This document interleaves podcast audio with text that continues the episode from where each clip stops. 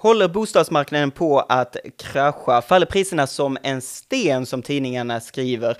Kan man göra fynd där ute och framförallt har vi förlorat massa pengar vi som äger lägenheter? Det och mycket mer ska vi diskutera i dagens avsnitt av Visning pågår, en podcast för dig som vill köpa, sälja, förvalta eller förmedla en bostad. Idag så intervjuar jag inte mindre än två stycken mäklare om dagens bostadspriser, vad det tror kommer hända i framtiden och framförallt hur man ska agera nu om du äger en lägenhet eller ska köpa eller ska sälja en lägenhet. Det och mycket mer i dagens avsnitt.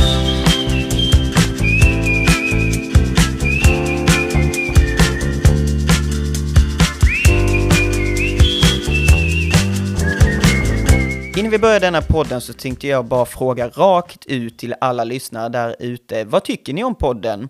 Vad tycker ni är bra? Vad tycker ni är dåligt? Vad vill ni höra mer om? Vad vill ni höra mindre om?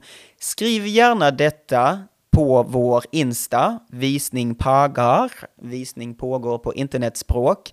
Eh, för jag vill gärna eh, göra denna podcasten så bra som möjligt för er, så jag försöker alltid lära mig och ta feedback från vänner och familj och er eh, podcastlyssnare där ute. Så gå gärna in och skriv där på vår Insta så kommer denna podcasten bli mycket, mycket bättre här i framtiden. Men i alla fall, nu dyker vi in i statistiken. Vad säger den då? Har priserna fallit? Jag kommer gå igenom respektive stadsdel i den här podcasten för att visa då hur utvecklingen har gått. Eh, men först tänkte jag göra så att vi drar först en övergripande bild av statistiken, det vill säga samtliga bostäder i Stockholm, om man drar ett genomsnitt. Så, om man drar då genomsnitt per kvadratmeter i hela Stockholm maj 2022, för det är de senaste siffrorna vi har, då ligger ett kvadrat eh, kvadratmeterprisen på ungefär 111 500 500 kronor. Ehm, det gäller då alla lägenheter, det vill säga ett år och uppåt. Jag vet inte vad den största lägenheten i Stockholm är, så ehm, om ni vet det så kommentera gärna på vår Insta. Men i alla fall ett år och uppåt. Ehm, vi kan se att priset minskade från toppen på 114 000 kronor, alltså 111 000 kronor eh, ner till 114 000 kronor, eh, där den toppades ungefär i februari. Det var då marknaden pikade. Om man däremot kollar på ett års sikt, det vill säga att man kollar på maj 2021, så kan vi se att det har skett en prisuppgång på 8,8 procent, vilket fortfarande är ganska galen utveckling om man kollar på bostäder. Detta är inte börsen, detta är inte någonting annat, utan det här är bostadspriserna i Stockholm. Lägenheterna säljs eh, nu ungefär eh, lika mycket som det gjorde i december förra året, så ja, det har ju inte gått ner jättemycket än så länge. Eh, om vi däremot kollar två år tillbaka, det vill säga juni, eh, maj-juni då 2020, ehm, då kan vi se att precis under rådande pandemi så låg genomsnittspriserna i hela innerstadsstockholm då på 92 000 kronor eh, mot idag då på 111 000 kronor. Så fortfarande för ja, två år sedan, för de flesta brukar räkna före och efter pandemin, men det här precis i början av pandemin så, så ligger det då på 111 000 kronor idag och 92 000 kronor där i början, mitten av pandemin. Eh, att det säljs en hel del färre lägenheter just nu eh, kommer såklart påverka priset. Det vill säga att färre som köper och säljer, det sker färre transaktioner, vilket gör att färre lägenheter registreras och på så sätt kanske detta påverkar statistiken något. Detta kommer vi få höra mer om sen när när eh, eh, min gamla kollega Rickard Petersson eh, pratar om eh, läget på Östermalm och Gärdet. Eh, vad vi ser också är att treor och fyror går till nästan samma pris i hela Storstockholm då eh, som ettor eh, per kvadratmeter, vilket är en så kallad pandemieffekt. För tidigare har man ju alltid sett att ettorna går absolut dyrast per kvadratmeter, för de är mindre. Men under pandemin så vill man gärna ha då ett rum till eller en, ett sovrum till eller någonting sådär. För många jobbar hemifrån, vilket de fortfarande gör idag. Så det är ju ungefär en ja, övergripande bild över läget just nu. Såklart skiljer det sig från olika stadsdelar, olika objekt, olika lägenheter och sådär. Men bara för att ge en generell bild, alltså på ett års sikt har det ökat ungefär 8,8 procent, men det har gått ner eh, ja, ett par procent eh, det senaste månaderna här nu. Om vi då går lite mer in eh, stadsdelsspecifikt så börjar vi såklart med Östermalm. Eh, och där kan man se då att Östermalm och Gärdet då läggs oftast ihop här, så det måste ni ta i beaktning. Men det man kan se är att genomsnittspriset i maj eh, 2022 låg på 120 000 kronor per kvadratmeter på Östermalm och Gärdet. Så det är allt från från Strandvägen upp till, ja, längst bort på Gärdet eh, kan man väl säga. Eh, man kan se att det har skett en nedgång på ungefär 1,3 procent de senaste tre månaderna på Östermalm och Gärdet. Eh, och eh, om man då kollar på lite längre sikt dock, om man kollar på ett års sikt, det vill säga maj 2021 till nu maj 2022, så kan man se att det har gått upp 10 procent på ett år. Alltså 10% har priserna gått upp på ett år, även fast man nu har kallat det att det har kraschat och att priserna går ner jättemycket, så för ett år sedan så var det alltså 10% billigare än vad lägenheter säljs för just nu. Om man även kollar då på eh, priserna som kom i, i början, mitten av pandemin så, så, så kan vi se att eh, priserna är upp ungefär 20% på en väldigt kort tid. Det vill säga i maj, juni 2020 så ser vi att priserna låg på ungefär 100 000 kronor kvadratmetern. Medan idag på Östermalm så um, ser vi att priserna ligger ungefär runt 120 000. Så om man drar det på lite större, om man lite längre perspektiv så kan vi se att priserna har fortfarande gått upp väldigt mycket och ännu inte kraschat så mycket som kanske alla medier och alla ja, tidningar skriver om själva marknaden. Men det är klart, eh, rubrikerna eh, drar mycket klicks och eh, det är klart att eh, priserna har minskat, vilket gör att folk blir oroliga, för det har ju skett under lång tid en uppåtgående trend. Och när det väl vänder neråt, vilket gör ungefär vartannat, var tredje år, då, då um, brukar det bli en viss panik både i media och bland folk. Men, men uh, saker och ting går över. Uh, jag antar att nu har ni börjat bli lite trött på min ljuva skånska stämma, så jag tänker att vi bjuder in Rickard Petersson, som jobbar på fastighetsbyrån på Östermalm Stockholmskontoret. Han säljer galet mycket lägenheter, både på Östermalm och Gärdet och han säger så här. Ja, men vi, vi eh, befinner oss i en eh, väldigt spännande period. Ehm, vi har ju gått från att ha haft en, en väldigt stark uppgång och utveckling på bostadsmarknaden egentligen nu under de senaste två åren. Och eh, som det har varit då när priserna stiger så pass kraftigt så är ju det vanliga att man vill hitta en ny bostad innan man säljer sin gamla. Och det gör ju att man får en marknad där man har en väldigt hög efterfrågan och ett ganska lågt utbud eftersom majoriteten då vill köpa först och sälja sen. Eh, nu har vi gått in i en period eh, där vi har en lite större osäkerhet framöver hur priserna ska utvecklas, vilket skapar en någon sorts eh, obalans kan man säga. Så det gör ju att från att ha haft den här marknaden med, med hög efterfrågan och lågt utbud så går vi nu in i en period där Eh, de flesta väljer att sälja sitt nuvarande boende innan man köper nytt. Vilket gör att det är väldigt många som vill sälja och få som vill köpa. Det kombinerat med att man har en, en osäkerhet kring hur priserna, eller hur mycket framförallt priserna kommer påverkas. Jag skulle säga att de flesta idag tänker och tror att priserna kommer gå ner. Men man är väl inte helt eh, överens eller man har väldigt mycket olika åsikter om hur mycket kan man säga. Eh, och ser man då den här tendensen med att de flesta, eller det är väldigt många som vill sälja och det är få som vill köpa och framförallt att många köpare idag så tror att priserna kommer fortsätta sjunka och därför vill avvakta med att köpa, så blir det en marknad där det är svårt att få parterna att mötas.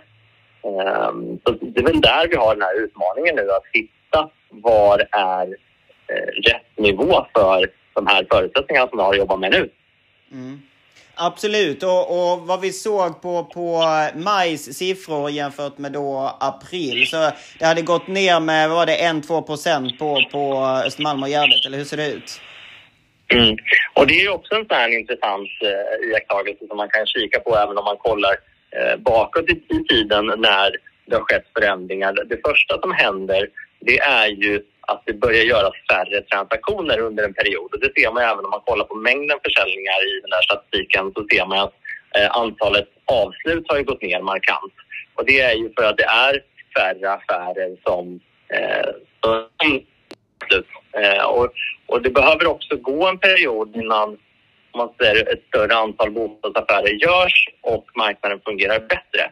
Så därför jag brukar säga det att statistiken är inte så rättvisande de första månaderna innan marknaden börjar rulla för fullt. Uh, för att är det bara en viss del av bostäderna på bostadsmarknaden som, som säljs så blir den ju inte fullt representativ. För I alla marknader så har man ju lägenheter som går över snittpriserna, man har lägenheter som går under snittpriserna. Uh, och om man, om man jobbar med tanken då att det är de mest attraktiva lägenheterna som säljs idag då för strax under snittpriserna och de som i vanliga fall går under kanske inte får bud idag eller inte får bud som säljarna är beredda att acceptera så blir de ju aldrig representerade i statistiken heller. Eh, så att det är först när alla typer av bostäder börjar säljas som statistiken blir mer rättvisande. Ja, ja bra, bra tanke där. Vi ska, kan man nu, nu, har jag inte kollat på hur många som lägenheter som har sålts eh, på Östermalm och Gärdet här i maj. Men du säger att det är markant mindre än månaden innan, men det är markant mindre än vad det var i maj förra året också? Ja. Det är det? Okej. Okay. Ja. Det stämmer. Ja, okej. Okay. För jag tänker också att när, när väl man ser att priserna sjunker, då vill ju de flesta säljare kanske också vänta, vilket gör att utbudet förhoppningsvis kommer minska. Mm. Tror du det kommer bli en motreaktion nu att okej, okay, vi säljer inte nu, vi säljer om ett halvår igen och helt plötsligt är det skral på marknaden? Ja, det kan vara en effekt. Det, det intressanta med bostadsmarknaden är att det finns ju alltid olika teorier om vad man tror. Mm. Eh, den känsla som jag fått initialt, det är ju att så att eftersom man ser på siffrorna att, att än så länge så har ju inte priserna sjunkit så där jättemycket. Eh, så jag tycker den första effekt man har sett från många säljare är att de fler har initialt vill, velat passa på att sälja för att man tror att priserna kommer sjunka mer längre fram. Mm. Eh, så det har också varit en, en kategori av säljare som gjort att utbudet ökat. Och det är det vi har sett som också har gjort det lite mer utmanande att sälja. För någonstans, priserna styrs ju av utbud och efterfrågan och på en, en och en halv månad nu så har utbudet mer än dubblerat. Oj, okej. Okay. Ja, nej, det är, det är stor förändring på G. Vad, vad, eh, vad är det du tror kommer få marknaden att vända? Eller tror du att det blir en, en, liksom, en dalande marknad här i några, några år? Eller hur ser du på det i framtiden? Det ärliga svaret är att eh, ingen har en aning egentligen. Eh, men i de flesta marknader så finns det ju eh, kunder som behöver både köpa och sälja av olika anledningar. Eh, och ju fler transaktioner som görs, desto mer datapunkter för var marknadsläget befinner sig får vi ju. Och ju fler datapunkter vi får, desto större blir tryggheten och desto fler vågar agera. Eh, och där någonstans börjar ju hjulet oftast att snurra. För, att för många är det ju inte avgörande egentligen exakt vilken nivå priserna ligger på utan snarare att ha tryggheten i att veta eh, hur mycket man kan räkna med att få för sitt nuvarande boende och hur mycket man kommer att få betala för nästa. Eh, sen är det ju en transaktionsmellanskillnad som man får, med, får räkna på. Då. Eh, så det, att priserna går upp eller ner eh, har ju för och nackdelar. Eh, för många som ska byta upp sig och köpa ett större jättebra att priserna går ner x antal procent men det viktigaste är att kunna räkna med hur mycket man kommer att få betala och hur mycket man får betalt för sitt nuvarande boende. Eh, om man ser på de utmaningar som vi har haft de senaste två åren när priserna har stigit så mycket så har vi brottats väldigt mycket med ett extremt lågt utbud vilket ju har gjort att det blivit en form av inlåsningseffekt också. Eh, där har vi brottats med att försöka hitta bostäder till alla som har velat hitta. Eh, ser vi nu att marknaden stabiliserar sig på något lägre nivå så har vi förhoppningsvis en större balans där det blir lättare att hitta bostäder men samtidigt att man kan räkna med att kunna få sålt och vad man kommer få. Så min tro och förhoppning är väl att vi ska få en, en, en fungerande marknad eh, framöver med sannolikt lite lägre priser än vad vi haft historiskt. Men ser man i backspegeln under längre sikt så har vi haft tidigare sättningar också som över tid har återhämtat sig och stigit. Så min tro är väl att priserna kommer att statistiskt fortsätta sjunka. Jag brukar säga att effekterna har vi egentligen redan sett, men, men de ska bli statistiskt eh, bevisade. Och sen så kommer det sannolikt stabilisera sig under en period och, och sen så på sikt så tror jag också att de kommer att fortsätta klättra. Eh, sen vågar jag inte säga vad, vad på sikt är i tid riktigt. Det får framtiden utvisa. ja, men jag tror ju någonstans att, att marknaden styrs ju till, absolut till viss del av ekonomiska förutsättningar men jag tror att framför allt så styrs den av förväntningar på påverkan av olika faktorer.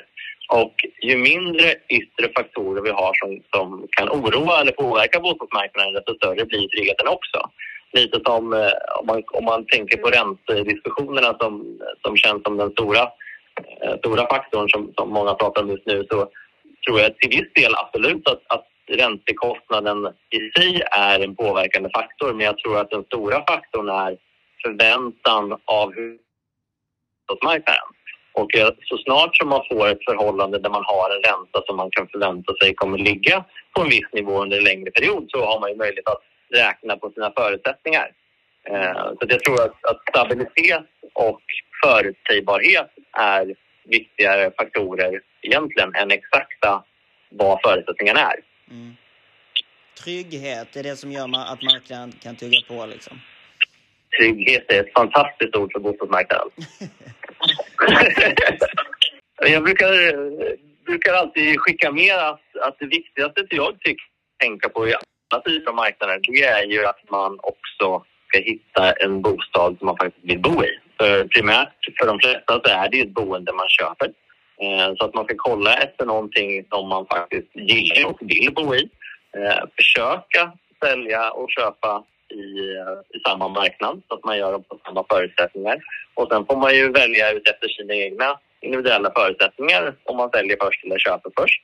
Och sen försöka att ha en, en rimlig dialog med sin mäklare och med, mellan köpare och säljare och försöka få en, en överenskommelse på en nivå som, som båda är okej okay med. Ja. Och försöka tänka långsiktigt.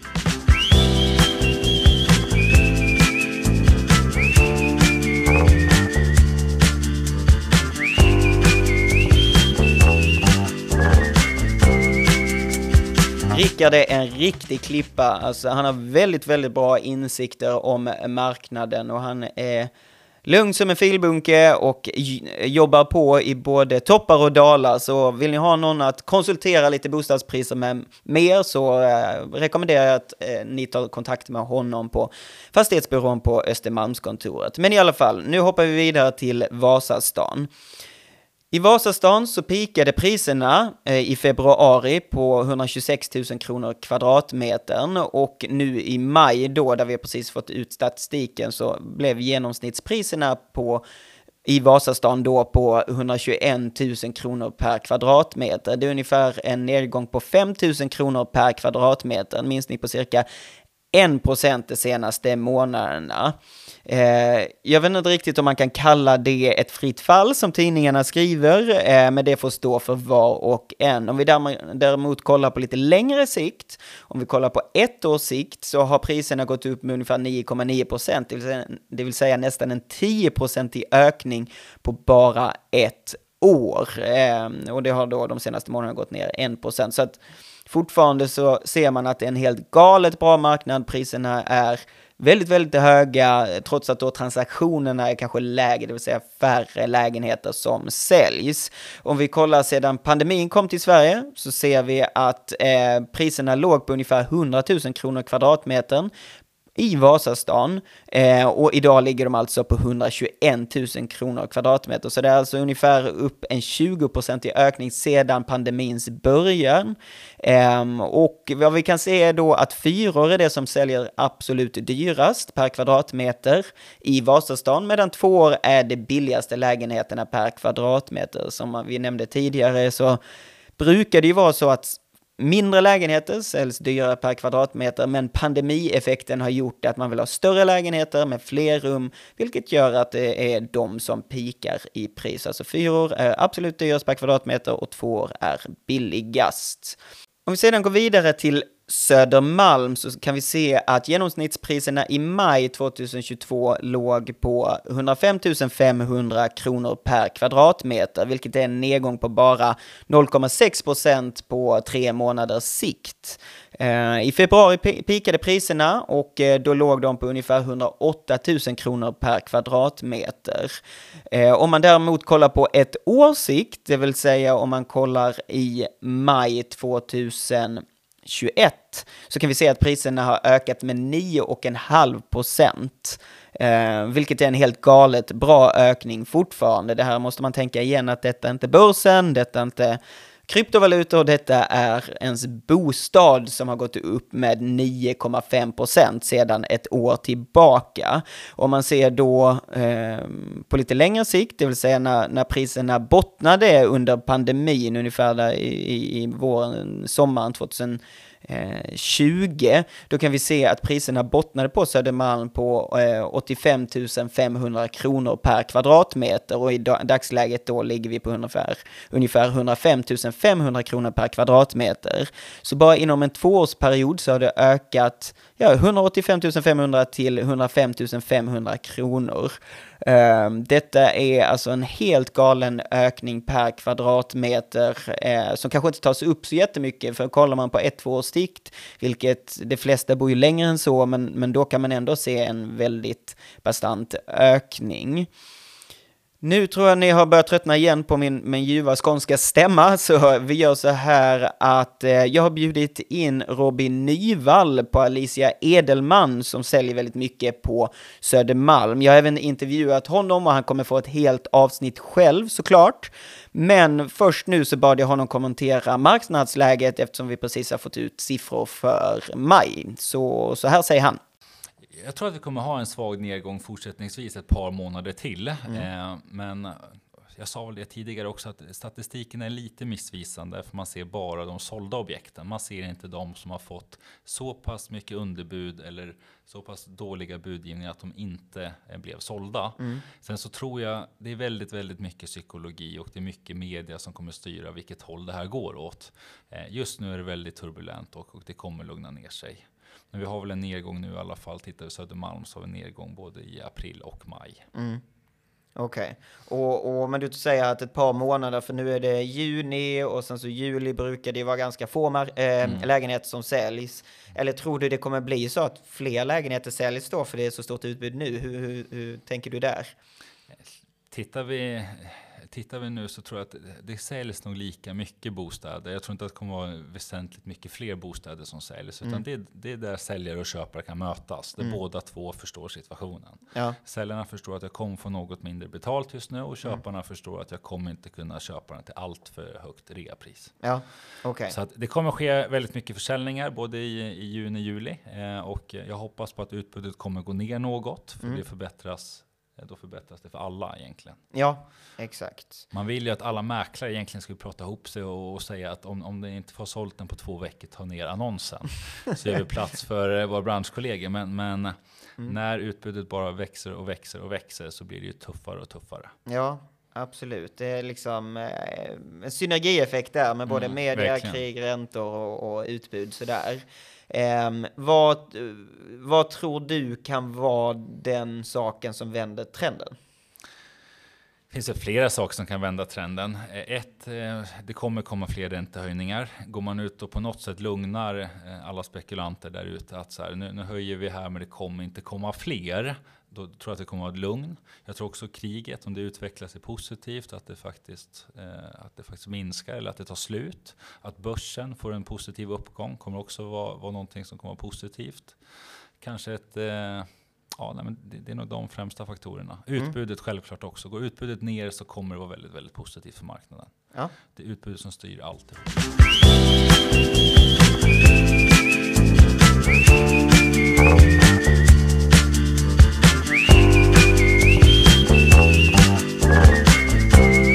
Då, Kungsholmen. Eh, där ligger priserna nu i maj på 106 500 kronor även här pikade priserna i februari, mars någonting sådär eh, på 108 500 kronor. Det vill säga, detta är en nedgång på ja, ynka 0,3 procent på de senaste tre månaderna samt en ökning på 8,6 procent om man kollar på ett års sikt. Ehm, det vill säga att det har under det senaste året gått upp 8,6 procent, men den senaste månaden har gått ner eh, då 0,3.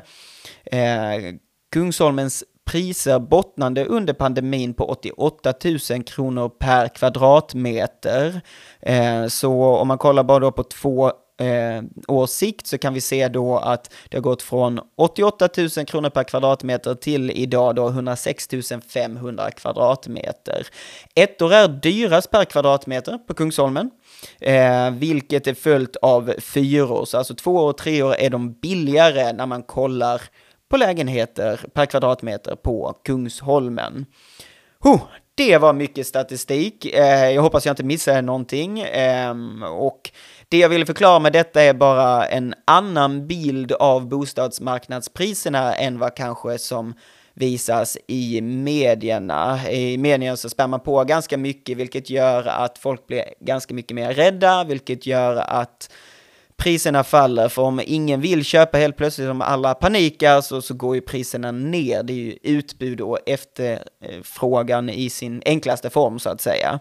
Eh, om man kollar då framtidsutsikten, som både då eh, ja, Robin och eh, Rickard nämnde, var att så, ja, vi har inte haft så jättemycket positiva grejer detta året, det vill säga vi har ett krig, som har börjat. Vi har sett um, ja, en, en ränteökning som har i och för sig varit um, ja, nämnd sedan tidigare, men den har börjat ske nu. Och så har vi sett en börs som har gått ner och ner och ner och ner, vilket gör att det finns tre orosmoment som, som eh, påverkar marknaden väldigt mycket och pushar den neråt såklart. Och who knows när detta kommer en, eh, ja, ändras, om detta kommer gå uppåt någon gång, om det kommer ske om en månad, tre månader, tio år who knows, den som har den kristallkulan får gärna höra av sig till mig, Magnus Detmar.